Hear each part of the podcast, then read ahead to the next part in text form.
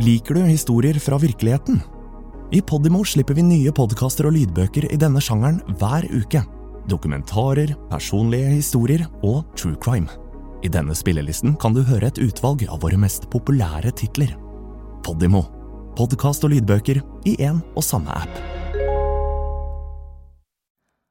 Når drakk du sist? spør den litt eldre legen som sitter i den slitte stolen på det trange legekontoret i blokk åtte på Klinikk Combat, avrusningsdelen.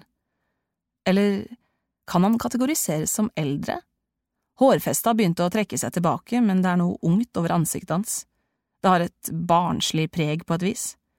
Kanskje det bare er fordi han ikke har briller, noe mitt stereotypiske sinn føler er obligatorisk med tanke på den tette luften som er på legekontoret. Huden er læraktig, men ikke på en stygg måte.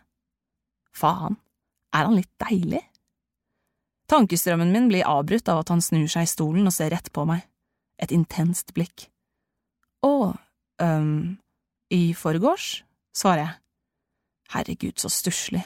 Skulle drukket i går også, men den jævla jobben min på Peppes Pizza var i veien for en skikkelig fyllekule kvelden før kvelden, som en last supper for det som ventet.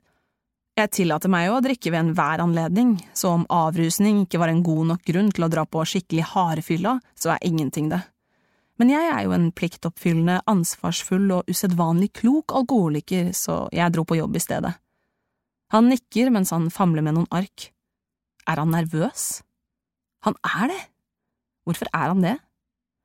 Han begynner å prate om hva jeg har i vente i dagene framover, kaller meg en proaktiv person, en sånn som tar tak i problemene sine og vil gjøre noe med det før det går for galt, en sånn som kan få et naturlig forhold til alkohol igjen. Vi har jo folk som eh, dunker to flasker vodka om dagen, ikke sant, sånn vil man jo ikke bli, sier han med et lite smil om munnen. Shit, gjorde han nettopp narr av andre på avrusning? Bonder vi nå? Han har også plutselig lagt om til en mer ungdommelig måte å prate på. Eller snakker han alltid sånn? La jeg bare ikke merke til det før nå? Er det fordi han vil get on the same level som en ung, sprek, vakker festjente som oser av meme-kultur og Kardashians-referanser? Han føles i hvert fall yngre enn i stad. Enda mer pulbar. Nei, det er akkurat det. Jeg vil absolutt ikke det, sier jeg med en underliggende latter som ruger på alle ordene. Ja, dette er bonding. Tar du dop? Spørsmålet kommer så bardust på at jeg skvetter, selv om jeg ikke skjønner hvorfor. Det er ikke så jævlig rart at han spør med tanke på hvor jeg er.